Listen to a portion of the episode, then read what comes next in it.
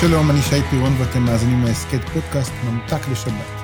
ההסכת שלנו מחבר בין ישן לחדש, בין קודש לחול, מתכתב עם האירועים המרכזיים של השבוע, בחברה ובפוליטיקה, ברוח ובמעשה, באישי ובציבורי. עוד הסכת מבית פנימה הסכתים, האזנה ערבה.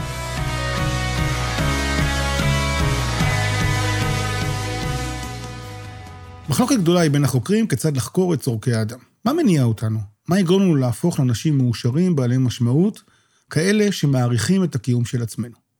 אברהם מאסלו היה פסיכולוג חברתי יהודי אמריקאי, והוא קבע סדר בעיר. הוא תיאר את זאת בעזרת פירמידה, שיש הקוראים לה גם סולם, פירמידת הצרכים של מאסלו, או סולם הצרכים של מאסלו. לשיטתו, בקומה הראשונה נמצאים הצרכים הפיזיולוגיים הבסיסיים, כגון מזון, מים, מין, שינה ועוד.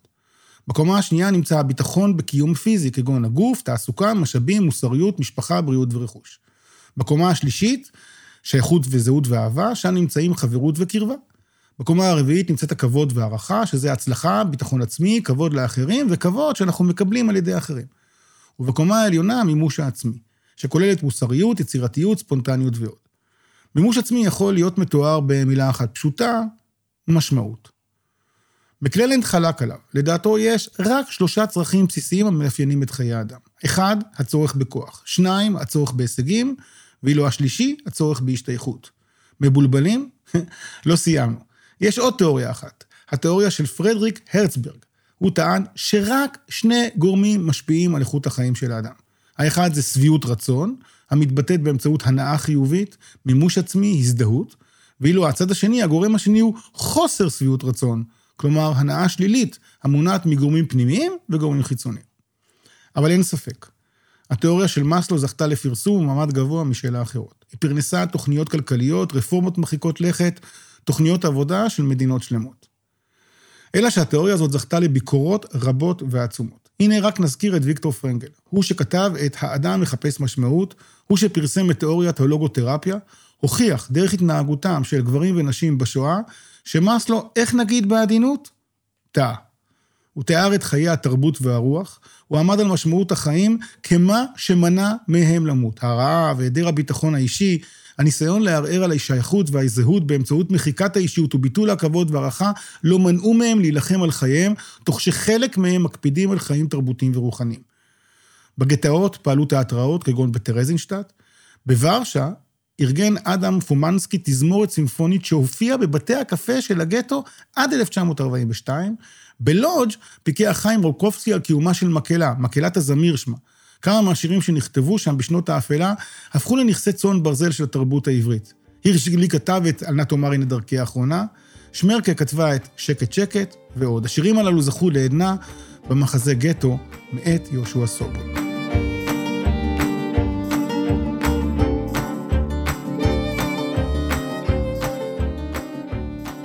השבת קוראים בפרשת ויצא. יעקב בורח מבית יצחק ורבקה, הוא חושש ממה שיעשה אחיו, עשיו. הוא יוצא בחוסר כל לשנים של עבדות. שבע שנים יעבוד עבור לאה, ושבע שנים בעבור רחל. הוא רחוק מהבית, הזהות שלו מטשטשת, הוא נלחם להיות מי שהוא אמור להיות. הוא מתאהב ברחל, הוא מוכן לעשות הכל כדי לזכות בחיים לצידה. רגע לפני צאתו מהארץ הוא חולם חלום. ומה יש בו? סולם.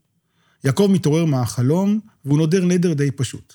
תקשיבו, אם יהיה אלוהים עמדי, ושמרני בדרך הזה, אשר אנוכי הולך, ונתן לי לחם לאכול ובגד ללבוש, ושבתי בשלום אל בית אבי, והיה אדוני לי לאלוהים. זה נראה די פשוט, אפילו מתאים לפירמידה של מאסלו. אם אלוהים ידאג לצרכים שלי, הוא יהיה לאלוהים. כלומר, זה יחזק את אמונתי בו, ולכן התוצאה תהיה פשוטה. כל אשר תיתן לי, עשר עשרנו לך.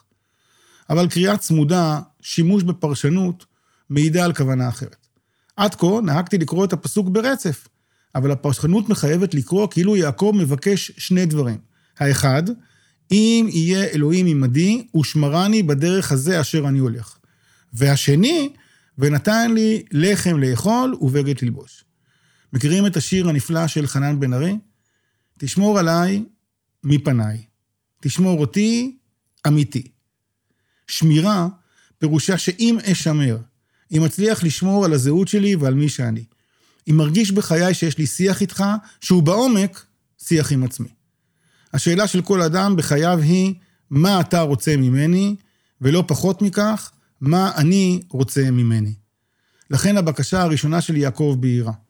ההליכה בדרך מסוכנת, יכולה להוביל לטשטוש זהותי עמוק.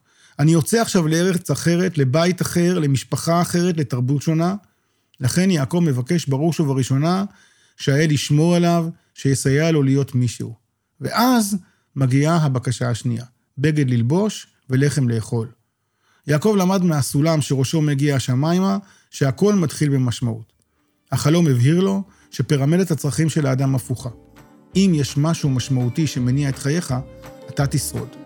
לחם ובגד חשובים, אבל לשם מה?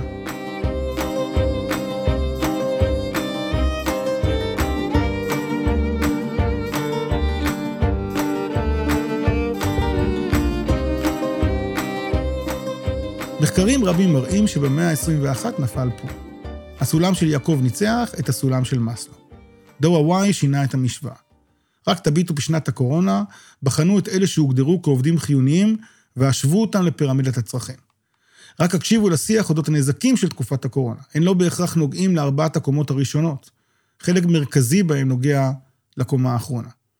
תופעה זו מקבלת חיזוק ממחקר אחר שבוצע בשנת 2011 בקרב 60 אלף אנשים מ-123 מדינות. המחקר מצא שכמו שמאסלו טען, יש צרכים אנושיים אוניברסליים, אבל הם אינם מדורגים בסדר החשיבות ההיררכי שהוא קבע. אנשים מוכנים להתפטר ממקומות העבודה, לעזוב את העיר או הארץ בה גדלו, לפרק משפחות ועוד, רק מפני שהאדם מחפש משמעות. ולשינוי הזה יש משמעות פוליטית. הבה נדגים. בואו נדבר רגע על הציבור החרדי. מדיניות ממשלתית בנויה על הפירמידה. היא חושבת שתצליח לטפל בחברה החרדית אם תפעל על פי שתי הקומות הראשונות של הפירמידה, צרכים, גופניים, פרנסה ועוד, נפתח תוכניות תעסוקה, נוציא אותם לעבודה, נפתח תוכניות הכשרה. חשוב, אבל לא מספיק. צעירים חרדים מחפשים משהו נוסף, משמעות ושייכות, זהות והכרה. צעיר חרדי מוכן לסבול עוני מפני שלימוד התורה מעניק לו משמעות. אי אפשר לבטל את הנרטיב, להתעלם מתפיסות עולם רעיוניות ורוחניות. כסף חשוב, לחם הוא חיוני, אבל הם החרדים מבקשים בראש ובראשונה הכרה רוחנית וזהותית. בלי זה, זה לא ילך. התקציב עבר וזה משמח. אבל עכשיו צריך לחזור לחלום של יעקב. לזכור שלפעמים הסולמות הפוכים ממה שנדמה לנו. לא כל החיים זה בגד ולחם, שאין לזלזל בחשיבותם ונחיצותם. אם נוביל שיח של משמעות, נצליח לחזור אל השיח הפשוט של מאסלו. עתה הגיע זמן משמעות. תם ולא נשלם, לך תעמוד פרק בעולם. אני אמצא לי אור קטן, אני אמצא תקווה קטנה באפלה. תודה שהאזנתם לעוד פרק של ממתק לשבת מבית פנימה. תודה לחברי המערכת אורי עפרוני וליאור טל שדה. תודה לדין כץ ריטוב על הביצוע הטכני, לאילי בוטנר וילדי החוץ על הרשות להשתמש בשיר הנפלא. תם ולא נשלם. שבת שלום.